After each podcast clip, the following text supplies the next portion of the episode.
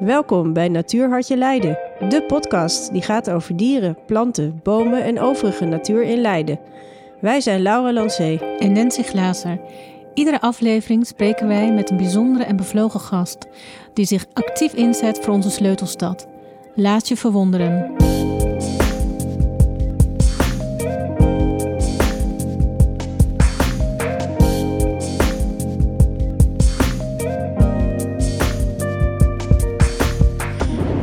U loopt over de straten van Leiden en als u om zich heen kijkt, ziet u ongetwijfeld de historische gebouwen, de Leidse bruggen, de winkels en de gezellige restaurantjes. S'avonds worden de grachten verlicht door de lichtjes in de bomen en wordt u ingehaald door een van de vele fietsers in onze stad. Waar de fietser zich op dat moment wellicht niet bewust van is, is het bestaan van alle andere levensvormen die zich over diezelfde straat voortbewegen. Vandaag zullen wij bewust stilstaan en ons gaan verwonderen over de absolute levenskracht van al die andere inwoners van onze stad Leiden. Deze levensvormen moeten zich aanpassen aan de omstandigheden van de stad en de mens als ecologisch ingenieur. Want hoe komt het dat wij sommige planten steeds vaker zien en andere steeds minder? Wat heeft een dier nodig om zich staande te houden in een stad zoals Leiden? En wat kunnen wij als Leidse burger bijdragen aan de ecologische niches van onze stad? Ik zal deze vraag en veel meer gaan bespreken met onze volgende bijzondere gast, Menno Schildhuizen. Menno is een bekend wetenschapper, hoogleraar, auteur en reisleider. Zijn specialisatie is onder meer urbane of stedelijke evolutie. Welkom, Menno. Dankjewel. Dankjewel, Nancy. Ja, fijn dat je er bent. Want gisteren had ik toevallig een interview met Dick de Vos. Mhm. En een van zijn vragen die hij aan mij stelde was: wat is eigenlijk natuur? En ik vond dit een hele intrigerende vraag. En op dat moment had ik ook wel te denken van ja, wat, wat is natuur? En uh, Dick vroeg, ja, is een ongerepte stukken bergen natuur? Of alleen diep in de Amazone? Of um, valt mijn achtertuin daar ook onder? Mhm. Dus nu stel ik graag de vraag aan jou. Wat is natuur? Wat is natuur? Ja, ik denk eigenlijk dat, dat wij ook natuur zijn. Uh, de, mens is een, uh, is een diersoort. Um, we hebben dierlijke voorouders. Zelfs als je de mens niet als dier beschouwt, dan komen, stammen we af van dieren. Um, dus eigenlijk alles wat wij doen is net zo natuurlijk als wat elke willekeurige andere diersoort doet. Dus eigenlijk is er geen enkele manier waarop je de natuur zou kunnen uitsluiten van iets anders op aarde. Wordt natuurlijk vaak gezegd van ja, natuur is alles waar de mens niet direct invloed op heeft. En zo, zo interpreteer je het meestal ook. Natuurgebieden zijn gebieden waar de invloed van de mens zo, zo minimaal mogelijk is. Ehm, maar ja, dat kun je eigenlijk niet volhouden als je de mens gewoon ziet als product van de evolutie met een gedrag en een ecologie die net zo goed geëvolueerd is als dat van elk willekeurig ander dier in zo'n natuurgebied. Dus ja, als je die redenatie doortrekt, maar dan wordt het natuurlijk snel filosofisch, is gewoon alles wat je op aarde ziet, uh, is, is natuur, inclusief de mens en de steden en de wegen en de, en de spoorlijnen en de fabrieken. Dat zijn allemaal uitdrukkingsvormen van ons gedrag, mhm. dat op zich niet per definitie iets anders is dan het gedrag van, van een willekeurige mierensoort of een, of een, of een houtduif of een, uh, of, of, een, uh, of een eekhoorn. Heb jij ideeën waarom de mens zichzelf buitensluit uit eigenlijk alles wat natuur genoemd wordt? Ja, ik denk omdat we natuurlijk van, van oudsher heel erg in een menselijke wereld leven. Ehm, het meeste waar de meeste mensen zich in het dagelijks leven druk over maken, zijn dingen die met, met medemensen te maken hebben, met ons huishouden, onze vrienden, onze familie. Um, en de natuur is daar vaak een soort ontsnapping aan, althans wat we natuur noemen. Dus we proberen juist die menselijke natuur te ontvluchten door in alle andere natuur ons uh, te begeven.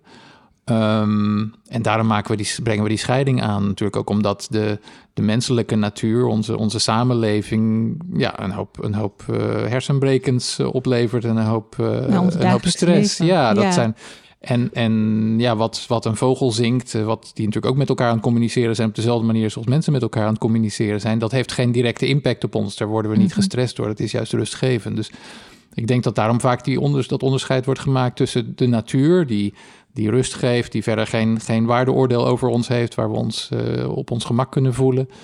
Um, en de menselijke omgeving die, ehm, die vaak ook een hoop, een hoop stress oplevert. Maar ja, misschien is dat een beetje een persoonlijke kijk op de, het verschil tussen natuur en niet-natuur. Maar ik denk dat Mhm. voor veel mensen dat geldt. Als je het hebt over natuur, dan denkt men toch al gauw aan, aan, een, aan een plek ver van menselijke beslommeringen waar je rust kunt vinden. Ja, ontspanning en wandelen. Ja. En ja, dat klopt wel. En ik las ook hè, in, uw boek, eh, in je boek eh, Darwin in de stad. En ik raad echt iedereen aan om dat te lezen. Een van de dingen die mij echt meenam naar het leven van andere diersoorten...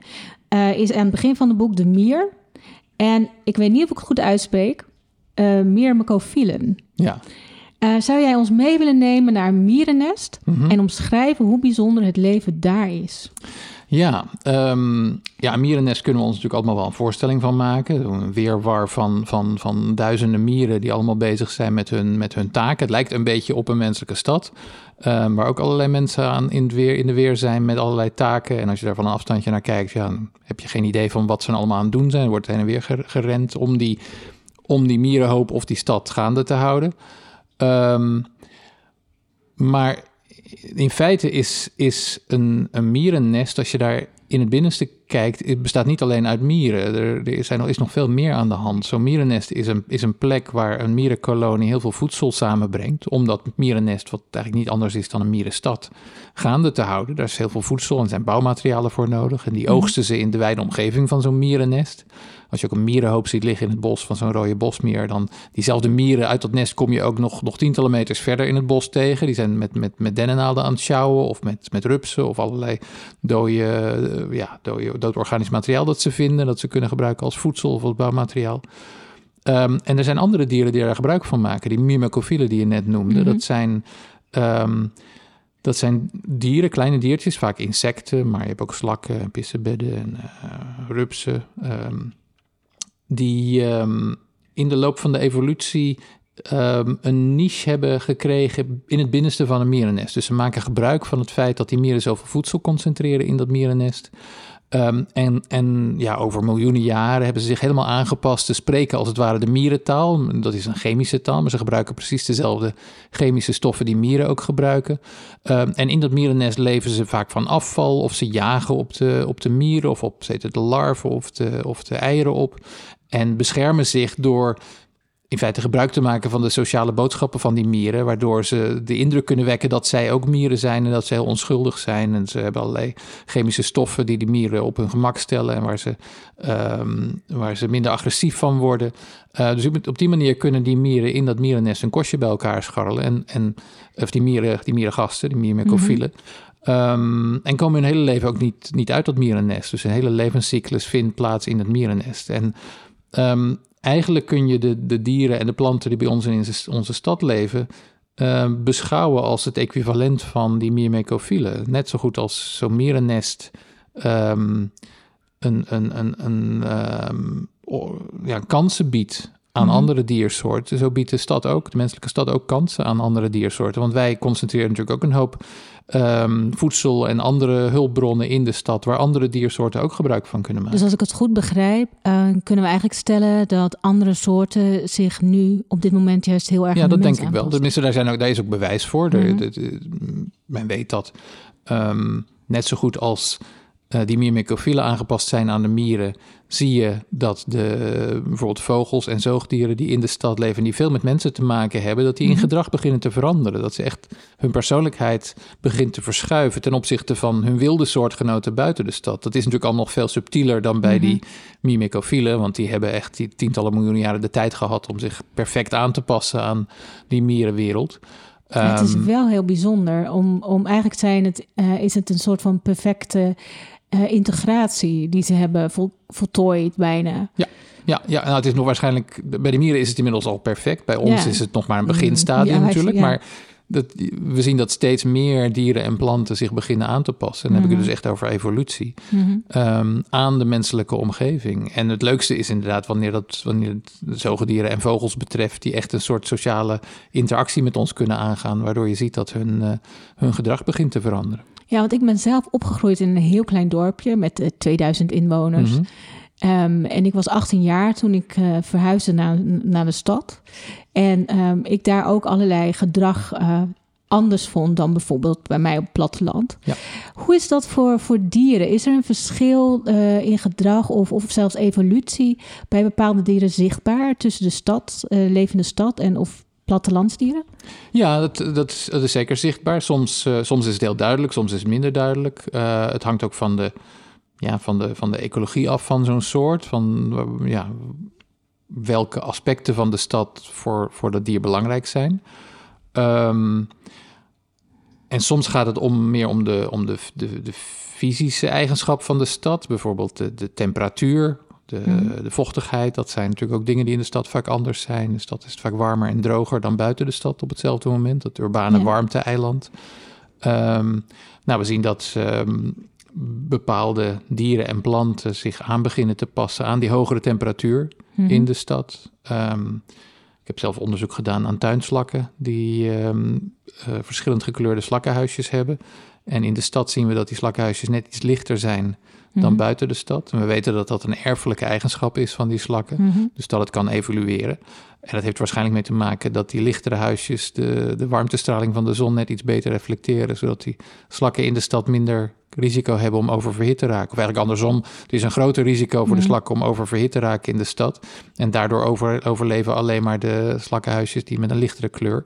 Waardoor die tuinslak in de stad, is nog steeds dezelfde soort hoor, maar mm-hmm. begint wel uh, in kleur te veranderen ten opzichte van de tuinslak buiten de stad. Het antwoord een soort van sauna voor de, in dat huisje. Ja. Dat, dat is wel fascinerend, dat Ja. dan de kleur aangepast wordt.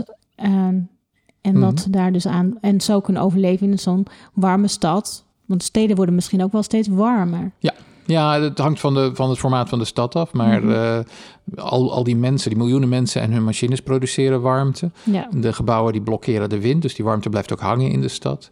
Ehm, en, en daarnaast heb je natuurlijk ook nog dat er heel veel beton en staal en glas in de stad is, dat, dat vaak opwarmt in de zon en als nachts de Mhm. stralende warmte weer gaat uitstralen. Dus je krijgt bij een grote stad, als je het hebt over een stad van een miljoen inwoners of meer, dan kan het in het stadscentrum Mhm. ehm, vaak 7, 8 graden Celsius warmer zijn dan, eh, dan op het platteland op hetzelfde moment.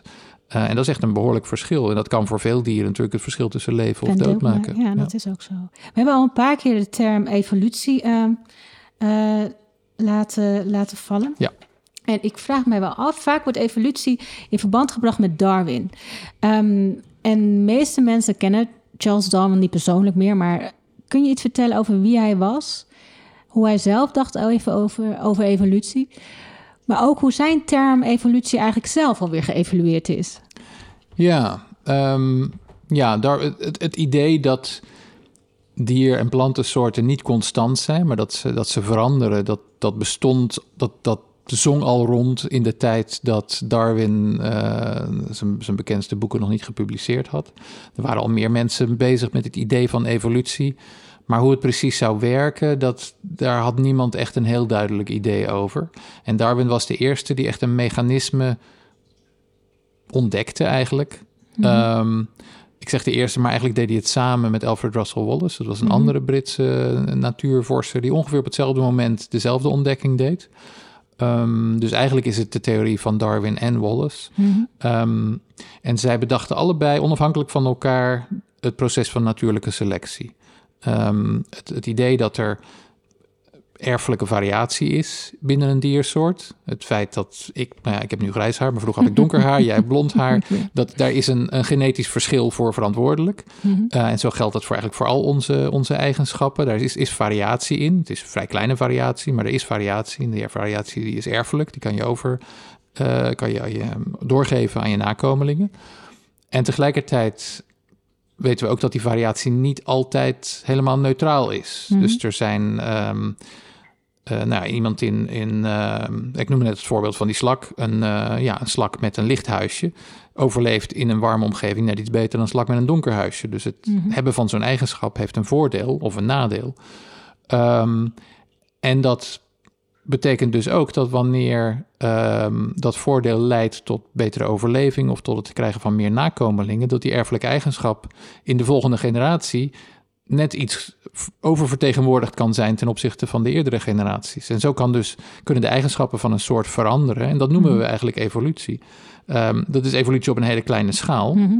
Gewoon het, het veranderen van de fre- frequentie van erfelijke eigenschappen van het ene jaar op het andere. Eh, maar als je al die veranderingen op, bij elkaar optelt over een hele lange periode, dan is dat hetzelfde proces dat verantwoordelijk is voor het ontstaan van nieuwe diersoorten, of voor het ontstaan van hele nieuwe levensvormen.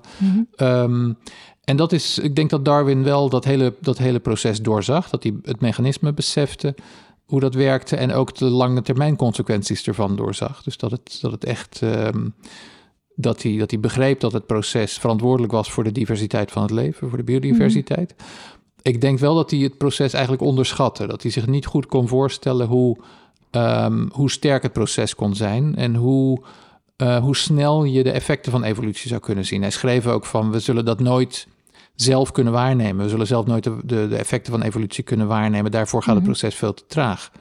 Ehm, en we weten nu, of eigenlijk was dat al een beetje bekend in de 19e eeuw ten tijde van Darwin. ehm, vanwege dat ja, bekende voorbeeld van die peper- en zoutvlinders Ja, ja. in, in eh, tegen die tegen beroete bomen in Engeland gingen zitten. Daar zagen ze ook al aan dat, dat, in, dat die kleur van die vlindertjes veranderde als gevolg van luchtvervuiling over een tijdsbestek van enkele tientallen jaren. Dus ja, dat is een van de voorbeelden die je, die Ja. je die je omschrijft in, in het boek. Kun je daar kort iets over vertellen?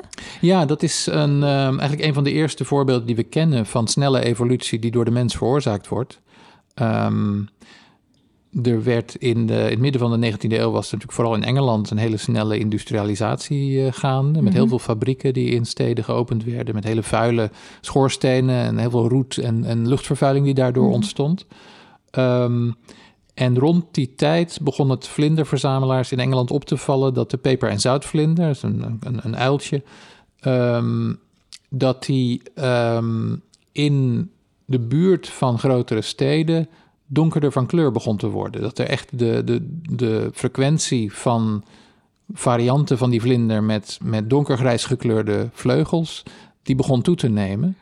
Ehm, wa- waarschijnlijk, inmiddels weten we dat zeker, als gevolg van het feit dat die, eh, op, dat die de boomstammen waar ze op zitten ook beroerd werden en daardoor een donkerder kleur kregen. En dus de, de lichtgekleurde vlindertjes eigenlijk minder goed gecamoufleerd waren op die, eh, op die donker geworden beroete bomen, terwijl juist de donkere vlinders beter gecamoufleerd werden.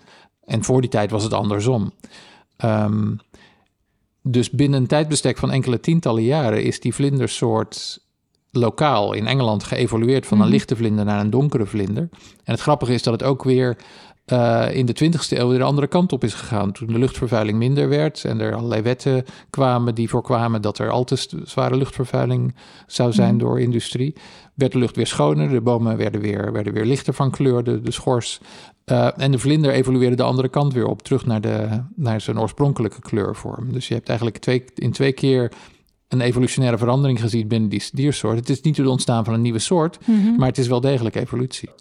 Dat laat het wonder en de kracht van de natuur zien. De noodzaak om te veranderen, om zich aan te passen, waardoor hun vijanden hem moeilijker konden vinden en het soort eh, zo dus ook kon overleven. Ja, ja en het lijkt eh, op dat dat best een groot verschil was. Dus het hebben van die donkere vleugels, dat leverde wel iets van 20 of 30 procent overlevingsvoordeel op. Dat is al gigantisch groot. En dat is, dat is, ja, dat, dat is een groot, groot verschil waardoor die evolutie ook zo snel kon gaan. En dat zie je dus in veel van die hedendaagse evolutie, met name in stedelijke omgeving, dat die milieuverandering zo drastisch is dat het verschil eh, in overleving tussen het hebben of het niet hebben van een bepaalde eigenschap heel erg groot is, waardoor die evolutie ook zo snel kan gaan. Ja, het is fascinerend. En dat was een van de dingen die Darwin toen nog niet eh, zag of, of omschreef. Want hij had echt het idee dat een veel langere periode Ja. nodig was. Ja, ja, ik denk dat hij inderdaad de kracht van natuurlijke selectie onderschatte. Mhm. Ehm, dat hij dacht dat je het nooit in een mensenleven zou kunnen zien. En inmiddels hebben we eh, legio voorbeelden waaruit blijkt dat evolutie, als, die, als die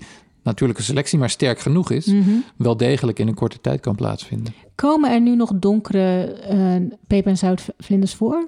Ze zijn er nog steeds af en toe, Ja. eh, maar het is een heel klein percentage. Ik geloof misschien 1 of 2 procent. Dus misschien sterven zij juist weer uit. Ja, maar zo zullen die, dat, is natuurlijk, dat zijn van die genetische mutaties die Ja. ook van nature. Ook als, de, als die variant echt uit de populatie verdwijnt, dan zal die door een, door een foutje in het DNA van tijd tot tijd weer opnieuw ontstaan. Mhm. Eh, en als er dan op dat moment toevallig voordeel is voor het hebben van donkere varianten, dan kan het weer, Dan zullen ze eh, dat doorgeven. kan het weer doorgegeven ja, dat is worden. fascinerend is dat. Ja. Ehm, even kijken. Oh ja, ik, vond, ik vind het zelf ook wel eens lastig om voor te stellen dat ik ook hier ben, eigenlijk dankzij mij, al mijn voorouders die rampen, ziektes, strenge winters, gevaarlijke reizen hebben overleefd. Ehm, en dat ik eigenlijk door hun overleving hier nu zie, Hmm. zit. Wat zijn belangrijke momenten geweest, niet zozeer in de evolutie van mijn voorouders, want ik ben zelf natuurlijk niet heel erg belangrijk, hoewel ik dat zelf wel vind. Maar eh, kunt u, kun je een voorbeeld geven van eh, in de evolutie van de mens, het soort mens zelf, de soort? Van belang, je bedoelt van belangrijke momenten Ja. in, in onze evolutie? Echt, ja, eh, ik vind het ook wel interessant als ik dan terugkijk in de tijd. Ben ik genetisch of ben ik nog hetzelfde als de mens die bijvoorbeeld Mhm. uit Afrika trok? Ja. Ja, ja, ja, nee. Er zijn natuurlijk een aantal, ehm, aantal belangrijke veranderingen geweest. Mhm. Ehm, maar dan heb je het wel over ja, meerdere miljoenen jaren. Mhm. Ehm, en veel daarvan kunnen we natuurlijk ook niet zien. We zijn afhankelijk van wat je aan fossielen kunt vinden. ja. Ehm, en daaraan kunnen we wel zien dat er belangrijke veranderingen zijn geweest over die periode. De, natuurlijk de meest opvallend is de herseninhoud die, die verdrievoudigd is ten opzichte Mhm. van onze voorouders vijf miljoen jaar geleden. Ehm, die, die, die, die dikke wenkbrauwboog die, Mhm. eh, die je nog zag bij Neandertalers, die Mhm. nog maar 40 jaar geleden, 40.000 jaar geleden hebben geleefd. Eh, die hadden dat ook nog. Ehm, ja, rechtop gaan lopen. Er zijn, ja, in de botstructuur zijn er, zijn er ver- veranderingen. Maar ik denk dat er de grootste veranderingen eigenlijk geweest zijn in ons gedrag. Mhm. En in de manier waarop we omgaan met onze omgeving. En daar kunnen we natuurlijk heel weinig over, zeker over weten, omdat je dat gedrag nooit hebt kunnen observeren. Het enige wat je hebt zijn, zijn skeletresten. Mhm. Ja, en nou ja, stel dat je. Stel dat je een, een, een, een ja, skeletresten zou vinden van een merel zonder dat je ooit een merel hebt gezien. Ja, dan Ja. is het heel moeilijk om toch daar een voorstelling van te maken van hoe die merel geleefd zal hebben, wat voor geluid die gemaakt zal hebben. En dat is Dat natuurlijk is de de- verbeelding. En Ja. eh, dat is wel, ja, dat is wetenschappelijk natuurlijk wat minder interessant. Maar dan kun je misschien als schrijver daar weer heel veel eh, mee doen. Ja. Wat ik wel interessant vind is, eh, misschien heeft dat wel tot verandering geleid. eh, verstedelijking. Ik- ja, verstedelijking is natuurlijk iets wat. Ik denk inderdaad dat je gelijk hebt dat dat een grote invloed heeft op dit moment op onze evolutie, Mhm. zonder we daarvan bewust zijn. Ehm, maar verstedelijking is iets wat. Stedelijking is iets wat ja, eigenlijk pas een, de laatste paar honderd jaar ehm, van invloed is geweest op de mens. Grote steden zijn er, eh, nou ja, zijn natuurlijk wel al een aantal, een paar duizend jaar, misschien vijf, zesduizend jaar eh, geleden begon, begonnen de eerste steden te ontstaan. Maar pas deze eeuw ehm, leeft het merendeel van de mensheid in steden. Dat is eigenlijk nooit zo geweest. Zelfs in de tijd dat er steden waren, leefden toch de meeste mensen in dorpjes en, en, en op Mhm. het platteland. Ehm, ik denk dat we nu inderdaad, maar dat is dus pas enkele tientallen jaren, in een situatie zitten waarin de menselijke omgeving stedelijk is Mhm. eh, in, in de grote meerderheid. Eh, en dat heeft, ga- gaat waarschijnlijk invloed hebben op onze evolutie, maar het is heel moeilijk om te voorspellen wat dat dan precies is. Het zal waarschijnlijk wel iets zijn in het gedrag. Ehm, aan de andere kant, voor evolutie heb je ook verschil in overleving nodig. En Mhm. steden zijn juist ple- plekken waar mensen erg beschermd zijn en dus, en dus niet zo snel zullen sterven door, eh, door omstandigheden die minder ideaal zijn. Dus het kan best zijn dat natuurlijke selectie in steden niet zo sterk is dat onze evolutie in, in een versnelling zal komen. Mhm. Aan de andere kant, we zijn wel met zoveel mensen nu dat de kans op een mutatie ergens op de wereld die het startpunt kan zijn van een volgende evolutiespurt is natuurlijk vrij groot. Dus dat, dat heeft natuurlijk ook met aantallen mensen te maken. Ehm, dus ik denk wel dat we in een, in een cruciale fase van onze evolutie zitten op dit moment. Maar Mhm. het is in elk geval voor mij niet mogelijk om daar voorspellingen over te doen. Wat, Mhm. voor, wat die evolutie dan ons zal brengen in de toekomst. Evolutie is eh, soms wel wijsheid achteraf. Of, ja, dus dat is wel interessant. En Ja. ja, ik, ik merk dat heel veel mensen wel eens denken bij evolutie... oh, er komt dan echt een nieuw soort. En wat mooi is, wat je net eigenlijk aangaf... is dat evolutie ook binnen in een soort kan plaatsvinden. En Ja. Dus dat is natuurlijk ook wel, wel heel mooi. En dat brengt me eigenlijk bij de volgende vraag. Stel je voor, eh, Darwin staat op, helemaal mooi gekleed, geen skelet. En hij komt naar Leiden. En eh, jij mag hem ophalen van het station. Eh, wat zou je hem over Leiden vertellen ehm, als, ja, ehm, als ecoloog of ehm, als, nee, als biologisch evolutie-deskundige? Ik zou hem denk ik op een, uh, op, op een wandeling nemen. Um, zoals ik die wel vaker maak. Een, een soort urbane evolutiewandeling Mhm. door de stad. Ik heb het al een paar keer gedaan uh, door Leiden. Maar die kun je overal doen. Ik doe hem ook wel eens in Rotterdam. Um, Mhm. En hem wijzen op voorbeelden van stadsdieren en planten... waarvan we nu weten dat die bezig zijn zich aan te passen aan de stedelijke omgeving.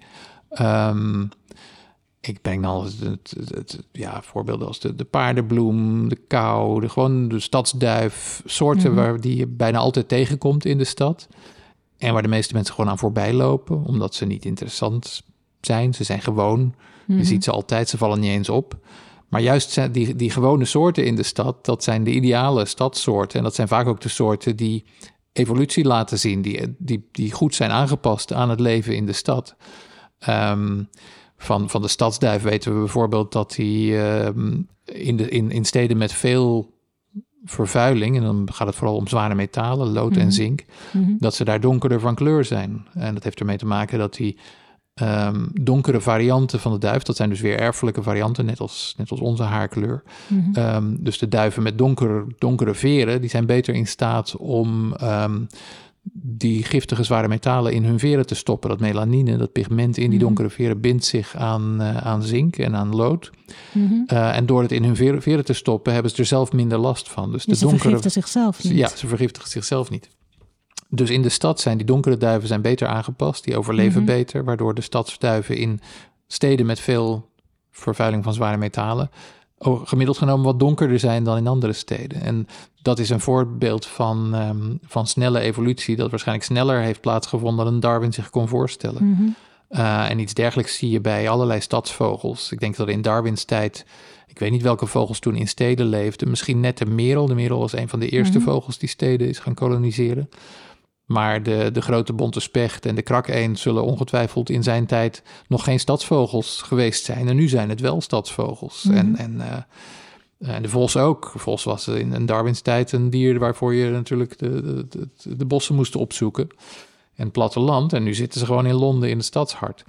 En bij al die dieren zien we dat hun gedrag ten opzichte van de mens aan het veranderen is. En daar speelt waarschijnlijk ook een rol bij. Uh, uh, speelt, speelt waarschijnlijk Mhm. ook evolutie een rol bij. Mhm. Um, dus bijvoorbeeld um, de, de, de, dieren, de dieren die het langste al in steden aanwezig zijn, die zijn ook het minst bang voor mensen. Die vliegen, het, uh, die vliegen pas weg als je er heel dichtbij bent. Maar als je bij diezelfde dieren in het pla- op het platteland, als je die benadert als mens, dan vliegen ze veel, veel eerder weg. Mhm. Uh, dat kan soms, de kauwen bijvoorbeeld op het platteland, als je die benadert, dan vliegen ze al weg binnen 30, 40 meter.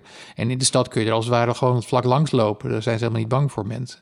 En dat heeft voor een deel te maken met gewoon leergedrag. Ze weten dat die mensen in de stad hun niks zullen doen. Mhm. Maar we weten ook dat er voor een deel ook echt een, een evolutie bij, uh, bij een rol speelt. Die de persoonlijkheid van die stadsdieren aan het veranderen is. Die maakt dat ze toleranter zijn ten opzichte van mensen. Dat ze uh, beter zijn in het oplossen van problemen. Um, en ook dat ze nieuwsgieriger zijn. Uh, ze zijn Mhm. uh, niet bang van nieuwe voorwerpen die ze nooit eerder hebben gezien. Daar stappen ze gewoon op af en gaan kijken, gaan onderzoeken of het misschien eetbaar is. Het zijn allemaal aanpassingen aan een wereld die door mensen wordt vormgegeven en waar ook voortdurend op nieuwe manieren uh, voedsel te vinden is. En het zijn allemaal voorbeelden van hele subtiele evolutie die heel snel gaat. Mhm. Um, en waar, denk ik, Darwin verbaasd over zou, zou zijn. Ja, en dan extra lang in, in onze mooie stad zou willen blijven. Het, Ja. zijn ook, het is natuurlijk ook fascinerend hoe dieren zich aanpassen en eigenlijk ook een soort van gedwongen worden tot een eigen verstedelijking. Omdat er steeds minder, tenminste natuurgebieden zijn. Ja, dat, ik denk dat zeker zo is. Je ziet dat steden in... zijn natuurlijk lange tijd zijn het een beetje de uitzonderingen geweest. Ehm, je had uitgestrekte gebieden met, met bossen en platteland... en dan hier en daar een, een, een stadje. Ehm, en dus toen was het een, een, eigenlijk een, een habitat, een milieu... Mhm. dat heel zeldzaam was uh, op aarde. Dus er, er zullen weinig dieren geweest zijn toen... die zich specifiek aan de stad zouden aanpassen. Maar tegenwoordig zijn er delen van de wereld die gewoon compleet verstedelijkt zijn. De Randstad is, een, is natuurlijk is een voorbeeld. voorbeeld, eigenlijk de hele hoek van Nederland, het westen van Duitsland en Vlaanderen. Dat is een verstedelijkt gebied. Het noorden van Italië. Mhm. Um, de Pearl River Delta in China is een gebied ter grootte van België... waar 120 miljoen mensen samenleven in, eigenlijk in één grote stad. Ja. Dus daar heb je gebieden ter, ter grootte van een land. Mhm. Of eigenlijk, je hebt op aarde nu gebieden ter grootte van een land die compleet verstedelijkt zijn en waar Mhm. weinig oorspronkelijke natuur meer over is. En de dieren die daar, die daar leven, die zullen waarschijnlijk veel sterker eh, zich aan het aanpassen zijn aan steden dan, dan 200 jaar geleden. Nou, ze moeten inderdaad aan sterven ze uit. Ja, ja, het is, ja, het is natuurlijk geen beslissing van die dieren, maar het is Nee, gewoon nee. zo dat, dat de, de individuen die toevallig net iets beter kunnen omgaan Ja. met zo'n stedelijke omgeving, dat die sterk in het voordeel zijn. En dus zo, zo op, van generatie op generatie zorgt dat voor evolutie. En ehm, stel je voor, ik ben een klein dier en ik besluit om mijn familie en ook enkele buren mee te nemen naar de stad. Welke uitdagingen zou een dier in de stad tegenkomen? Ja, van alles. Eh, die, eh, dat urbane warmte-eiland Mhm. bijvoorbeeld. Het feit dat er meer herrie is in steden. Wat, wat is het? eh, eh, kun jij een voorbeeld geven hoe geluid dieren beïnvloedt? Ja, het, het interfereert natuurlijk gewoon met... als er tenminste dieren zijn die zelf ook geluid gebruiken. Als je, en dat voor, voor veel zoogdieren geldt dat, voor vogels, voor amfibieën, voor insecten. Die gebruiken allemaal zang of roep om met elkaar te communiceren.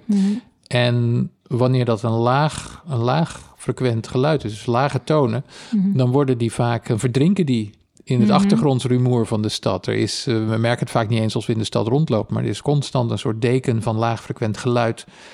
Veroorzaakt door, het, door het, een, een, echt een, een brei van geluiden die wij produceren met verkeer, maar ook machines en stemmen en, en, en omroepberichten. En dat allemaal vermengt tot een soort deken van laag frequent geluid.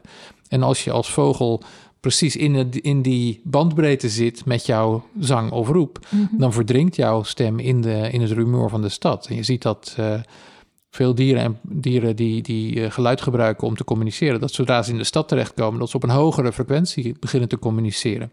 Ja, want- Of liever gezegd, dat als ze een variatie hebben in hoe in, in hun, hun, hun bereik, dat ze dan verschuiven naar, naar, naar de hogere registers, omdat ze daar wel goed mee hoorbaar zijn voor hun soortgenoten. En dat is ja, ja, want als je elkaar niet meer kunt verstaan, dan kun je ook eh, je partner, je ideale partner misschien niet meer horen en Ja. voortplanten. Ja, en je ziet dus, dus bij sommige diersoorten die zowel visuele signalen als geluid gebruiken, dat ze Mhm. beginnen te verschuiven naar die visuele signalen. Dus bijvoorbeeld eekhoorns, die, eh, de Amerikaanse eekhoornsoort, die maakt, ehm, die, die maakt gebruik van, van een schelle roep. Oh ja. Eh, maar daarnaast eh, slaan ze ook met een staart omhoog. Ze Mhm. hebben zo'n zo'n brede staart met een soort witte vlag in het midden. Dus die, dat is ook een signaal. En die roep die verdrinkt vaak in de herrie, maar die, die, die, die staart is nog steeds zichtbaar. Dus je ziet dat, ze- dat ze meer van die staartbewegingen gebruik gaan maken ten opzichte van hun soortgenoten in een stille omgeving. Dus het heeft ook direct invloed op hun communicatie en manier van communiceren. Ja. En, en wat is bijvoorbeeld invloed van, van licht op dieren? Ja, dat is ook een, eh, voor, met name voor insecten natuurlijk een belangrijke eh, factor. Je hebt, eh, ja, eigenlijk de, de, bijna de hele geschiedenis van de aarde was er s'nachts alleen maar licht van de maan en van de sterren. Ja. Ehm, en veel a- 's nachts actieve dieren maakten daar gebruik van om te navigeren. Dus bijvoorbeeld als je als, als nachtvlinder in een rechte lijn wil vliegen, dan hoef je alleen maar een, een vaste hoek met de maan aan te houden. En dan vlieg, vlieg je netjes in een rechte lijn. Maar opeens was die maan geen maan meer, maar een straatlantaarn die veel dichterbij Mhm. staat. En als je daar een vaste hoek mee aanhoudt, dan vlieg je niet in de rechte lijn, maar dan ga je er in steeds kleinere cirkels omheen ehm, vliegen. En dat is voor zo'n, voor zo'n insect natuurlijk nadelig. Mhm. Want nou ja, het is vaak een, een, een warmtebron, dus ze kunnen er door verbranden of verschroeien. Ehm, en zelfs als ze, dat, als ze er niet direct onder lijden, dan gaan ze daar vlakbij zitten en ver- verspillen tijd die ze eigenlijk hadden moeten gebruiken met het zoeken naar voedsel of naar eh, partners. Mhm. Dus ehm, voor enorme aantallen nacht, nachtelijk actieve insecten en misschien ook nog wel andere diersoorten en wie weet zelfs planten, ehm, heeft al dat kunstlicht 's nachts een enorm nadelige invloed. En ik vertel ook vaak tegen mensen die een tuin hebben van, ja, die tuinverlichting, dat ziet er allemaal wel leuk uit. Je denkt dat het milieuvriendelijk is omdat het op zonnecellen werkt, maar ja, die lampjes die s'nachts branden, ook al zijn het kleine lampjes, je insecten in je tuin hebben daar toch last van. Dus Dus dat Voor- zouden wij als Leidenaren meteen kunnen doen. Dat is onze een- ja. lichtjes weghalen. Ja, dat is een hele eenvoudige ingreep in Mhm. je tuin om de biodiversiteit van je tuin te helpen. Dat is wel een heel mooi voorbeeld. Ja. En dat sluit eigenlijk ook aan bij een van de. Oh ja, bij een andere vraag die ik heel graag wilde stellen. Is ehm, we hebben het ook vaak wel over eh, inheemse soorten, exoten. Ehm, en eh, soms komen de, ene soorten minder goed af dan een ander. Maar sommige mensen vinden dat exoten verwijderd moeten worden. En ik wil graag even stilstaan bij hoe exoten eigenlijk in de stad zijn gekomen. Uh, en of je daar iets meer over zou willen vertellen. En waarom ze eigenlijk juist heel belangrijk zijn geworden. Ja, ik, um, dat, dat idee van dat exoten slecht zijn voor de natuur. Um, dat is denk ik eigenlijk alleen maar van belang in, in hele kwetsbare situaties. Dus op een eiland waar je een unieke biodiversiteit hebt. Um, vaak allerlei dieren die niet aangepast zijn aan roofdieren. Als daar mhm. opeens een kat uh, terechtkomt of een rattenpopulatie, dan kan die, die hele biodiversiteit uitroeien. En daar moet je inderdaad heel voorzichtig zijn met, mm met exoten en ze ook als het kan verwijderen, om dat, om dat unieke biodiversiteitssysteem te beschermen. Ja. Maar in de stad is het heel anders. Um, de stad is een omgeving waar. Ja, het is eigenlijk een, een, een fontein van exoten. Uh, al onze economische activiteiten die zijn geconcentreerd in steden. En dat is ook de oorzaak voor het ontstaan van of het verspreiden van exotische dier- en plantensoorten. De, de tuinhandel, de, de landbouwgewassen, de aquariumhandel, de huisdieren. Dat zijn allemaal economische activiteiten die draaien op exotische dier- en plantensoorten.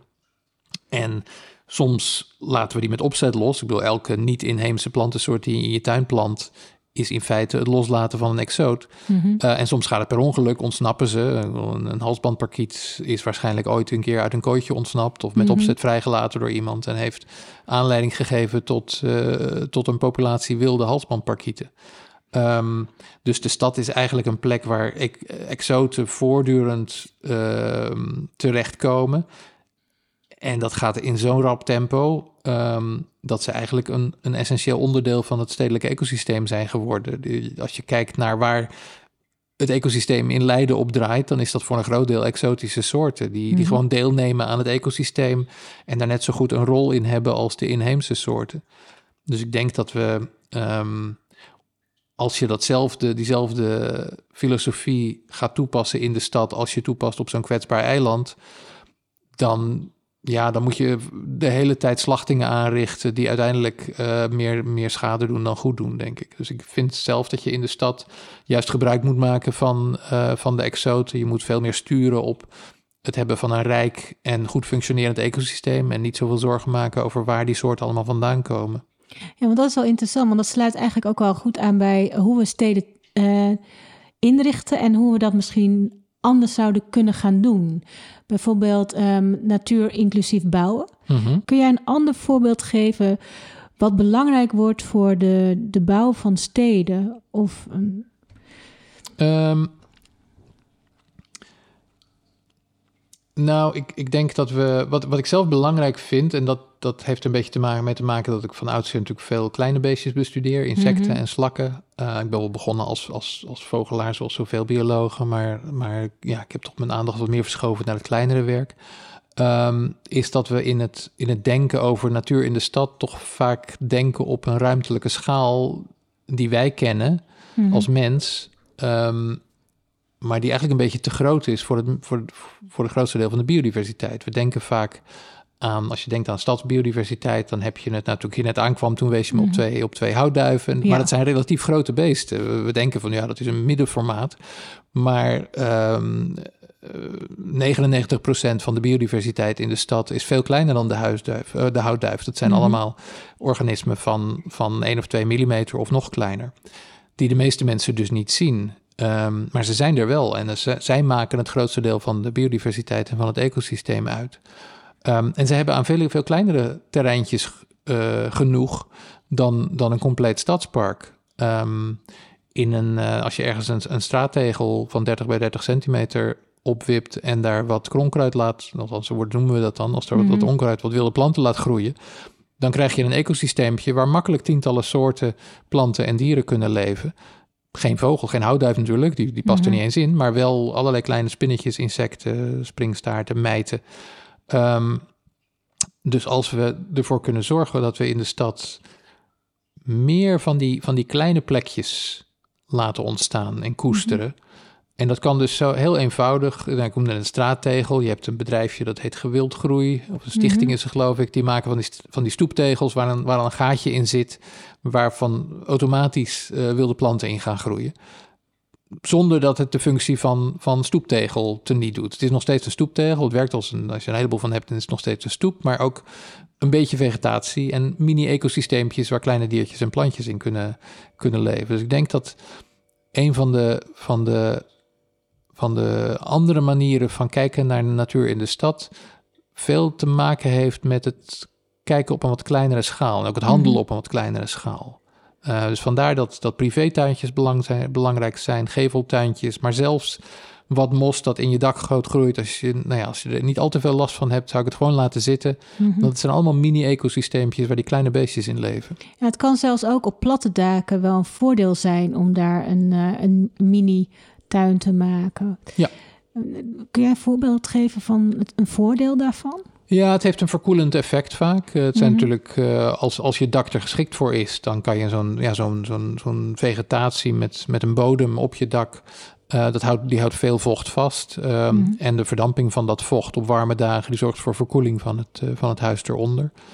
Um, in, in, uh, ja, in Nederland dan niet, maar in, in landen als Japan, daar heeft het ook um, een effect op het uh, stabiliseren van gebouwen tijdens de aardbevingen. Dus dat, dat Ja, gewicht bovenop een gebouw, dat, uh, dat helpt bij het voorkomen dat het gebouw te veel, gebouw te veel gaat, um, gaat, gaat, gaat slingeren bij een aardbeving. Um, dus, nou ja, en, en ja, je zou het zelfs kunnen combineren met, uh, met zonnecellen. wordt vaak gedacht van je moet of een groen dak of, uh, of zonnecellen. Maar ja, je kunt ook die zonnepanelen boven het groene dak um, installeren. Als er nog maar voldoende licht komt om die vegetatie ook gaande te houden. Dan, uh, ja, dan heb je twee goede groene doelen van je dak in één. Ja, maar dat is echt heel mooi. Want nu zien we inderdaad dat je soms kiest tussen grote zonnepanelen. En daarmee eigenlijk ander leven geen kans geeft. En dus dat zou een hele mooie combinatie kunnen zijn. Ja. Juist ook wel voor een stad als Leiden, die soms steeds meer versteend te, raakt. Ja. En juist heel veel kansen onbenut laat. Ja. En dat is eigenlijk ook wel um, interessant als we dan kijken naar. Uh, we hadden het al een beetje hè, wat, wat je als inwoner van Leiden zelf zou kunnen doen. En je platte dak uh, gewoon heerlijk mooi groen op laten leggen. En lekker tot bloei laten komen, vooral verder niet te veel mee te doen. Zijn er andere dingen die. Um, inwoners van Leiden kunnen doen om de biodiversiteit te helpen of de natuur te helpen of de andere natuur, want we maken er zelf deel van uit?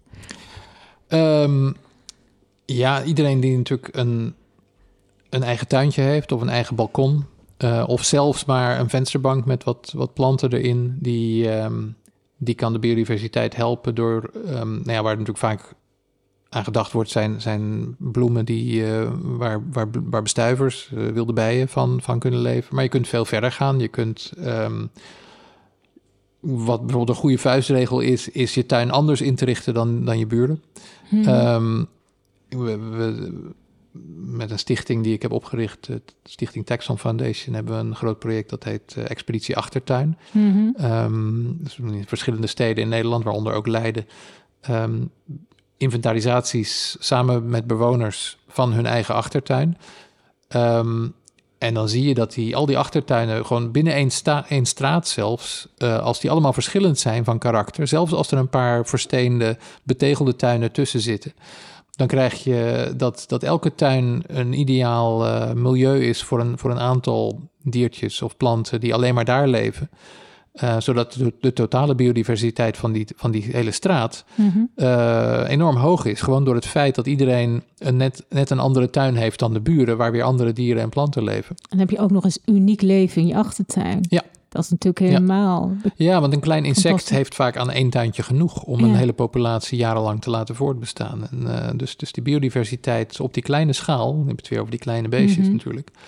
Um, die kan, die kan voor een hele wijk verhoogd worden wanneer, uh, nou ja, wanneer iedereen, iedereen toch zijn eigen gang gaat en zijn, zijn, zijn eigen ideeën over zijn tuin laat gaan. Mhm. En zich niet te veel laat leiden door wat de buren doen. Dat is wel, ja. Nou, ik zal in ieder geval mijn tuin uh, binnenkort gaan bekijken. Gelukkig is die wel heel anders dan onze buren. Mooi.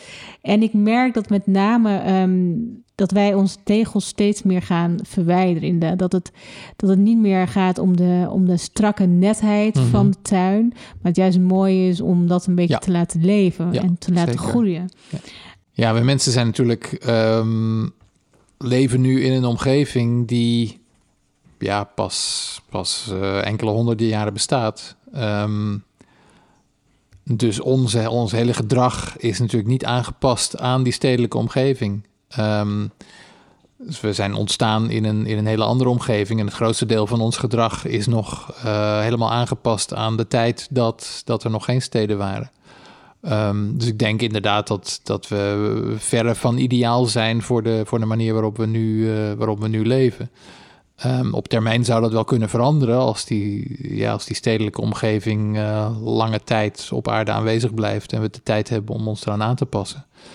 Um, maar tot die tijd zitten we inderdaad opgescheept met, uh, ja, met, een, met een situatie die, waarbij we moeten leven op een manier die anders is dan wat onze genen ons vertellen. Dus uh, we hebben denk ik voortdurend worstelen we met het feit dat we... Um, ja, denk alleen maar aan het afvalprobleem. Het is, het is um, natuurlijk in het grootste deel van onze evolutie, ja, je vervuilde niet je eigen omgeving, dus niet je, je, je, eigen leefplek, maar je afval, dat, dat dumpte je misschien 20 meter verderop. Nou ja, dat, is, dat werkt niet meer in een stad zoals de mensen dat doen. En je ziet nog steeds dat we een beetje die neiging hebben van, zodra we het niet meer zien, dan is het er niet meer. Um, en, en daar krijgen we natuurlijk het probleem van dat uh, al dat plastic dat in de rivieren terechtkomt en naar zee spoelt, ons uiteindelijk toch weer bereikt. Um, en, en ons lichamen vol zitten met En het dus niet langer zo is dat afval dat je uh, verderop dumpt, dat je daar nooit meer last van hebt. Um, en het kan best zijn dat op termijn uh, ja, ons gedrag, ons erfelijk bepaald gedrag, zich daaraan gaat aanpassen. Maar tot die tijd moeten we het hebben van een meer rationeel gedrag, meer rationele gedragsverandering. Die voor een deel ja, in gaat druisen tegen wat we, wat we van nature geneigd zijn te doen. We kunnen wat betere gasten zijn, denk ik, voor al het andere leven in onze stad en daar wat meer bedachtzaam op zijn. Mm-hmm. Dat wij niet de enige inwoners zijn. Ja. Wat, wat zijn de positieve kanten van stedelijke evolutie? Nou, de positieve kanten zijn dat um, dankzij evolutie er steeds meer dieren en planten in staat zijn om in de stad te leven uh, dan, dan, dan vroeger. Um, nog steeds niet allemaal natuurlijk. Er sterven nog steeds veel dieren en planten uit zodra er ergens een stad ontstaat. Maar er is een steeds groter aantal dat uh, zich weet aan te passen aan die stedelijke omgeving. Dat betekent dus dat de biodiversiteit van de stad rijker wordt. Um, en dus dat we als stadsbewoners meer natuur kunnen zien dankzij het feit dat er uh, steeds meer dieren en planten zijn die ook in die stad kunnen leven. En um, een van de dingen die, uh, en dat is voor burgers ook vaak mooi om bij stil te staan, hoe meer leven er in de stad komt, hoe meer uh, bijzondere dingen wij kunnen onderzoeken. Ja. Nu is het wel zo dat er, Leiden is natuurlijk, ik werk, ik werk zelf ook bij de Universiteit Leiden, uh, maar er zijn niet genoeg wetenschappers om allerlei onderzoeken te gaan doen. Nee. Hoe kunnen burgerwetenschappers, ja, onderzoekers daar aan bij gaan dragen? Ja, dat is, dat is natuurlijk het leuke van, van natuuronderzoek in de stad. Die, die stad zit gewoon vol met mensen die allemaal hun directe omgeving zouden kunnen gaan bestuderen. En, en als je een, natuuronderzoeker, als je leuk vindt om natuur te onderzoeken, dan hoef je niet ver weg. Je kunt gewoon in je eigen achtertuin of zelfs in je, binnen je eigen huis beginnen met de natuur te onderzoeken. Um, maar ja, een van, de, een van de voorwaarden ervoor is dat je er wel ogen voor krijgt. Dat je inderdaad mm. weet dat die, dat die diertjes en plantjes aanwezig zijn en dat die interessante eigenschappen hebben die je kunt onderzoeken. Um, nou ja, een, ik zei net al, de meeste, de meeste biodiversiteit in de stad is klein. Um, en dat is natuurlijk voor ons wel een, een, een, handicap. Zolang je geen vergrotingsmaterialen hebt, dan, uh, ja, dan kun je eigenlijk alleen maar de, de grotere dieren zien of, of goed bekijken. Maar ja, een, een goede loop Um, die, die 12 keer vergroot. Die, eh, die kun je gewoon op de, op de hoek van bij de optiekwinkel, uh, op de hoek van de Hoogracht uh, kopen voor een, uh, voor, een, voor, een, voor, een, voor een tientje heb je al een redelijke. En voor een paar tientjes heb je een hele goede. Mm -hmm. um, en als je nog iets meer wil hebt te besteden, dan kun je een eenvoudige microscoop kopen voor, voor 200 euro of, of tweedehands voor minder. En dan opent zich een enorme wereld voor je. Dan kun je allerlei, allerlei kleine beestjes gaan bestuderen. Je hoeft maar een, een, schepje grond uit je tuin te halen of desnoods uh, uit, uh, nou ja, tussen de tegels van de, van de stoep vandaan.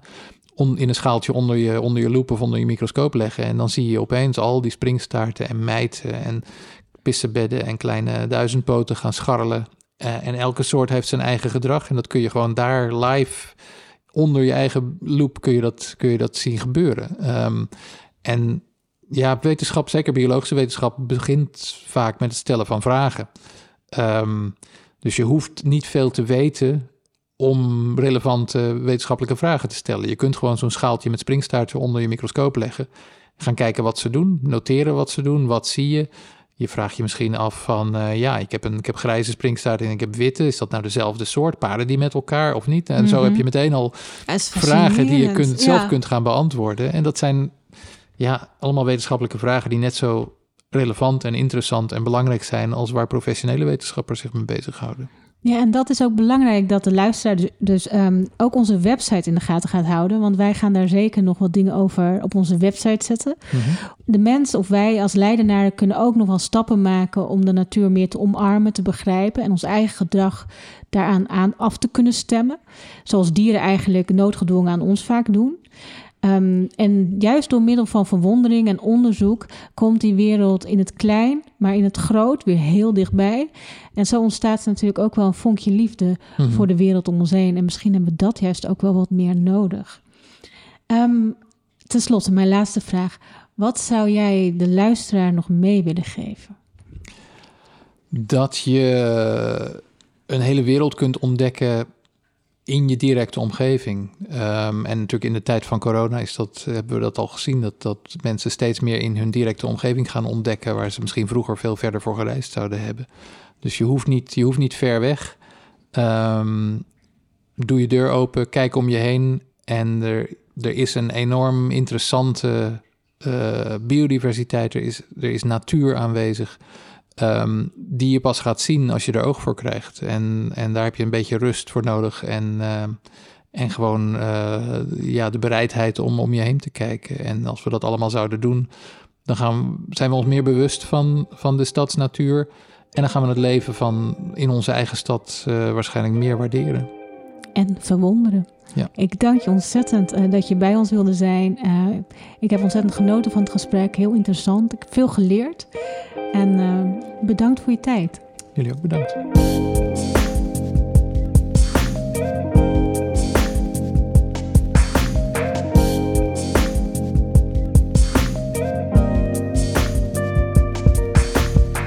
Bedankt voor het luisteren. Voor meer informatie, het stellen van vragen of aanmelden als gast kun je terecht op onze website natuurleiden.nl. Daar vind je ook onze gratis audio stadswandeling. Montage en muziek van vandaag waren in handen van Hugo Zwarts van Home Mindfulness in Leiden. Graag tot de volgende keer.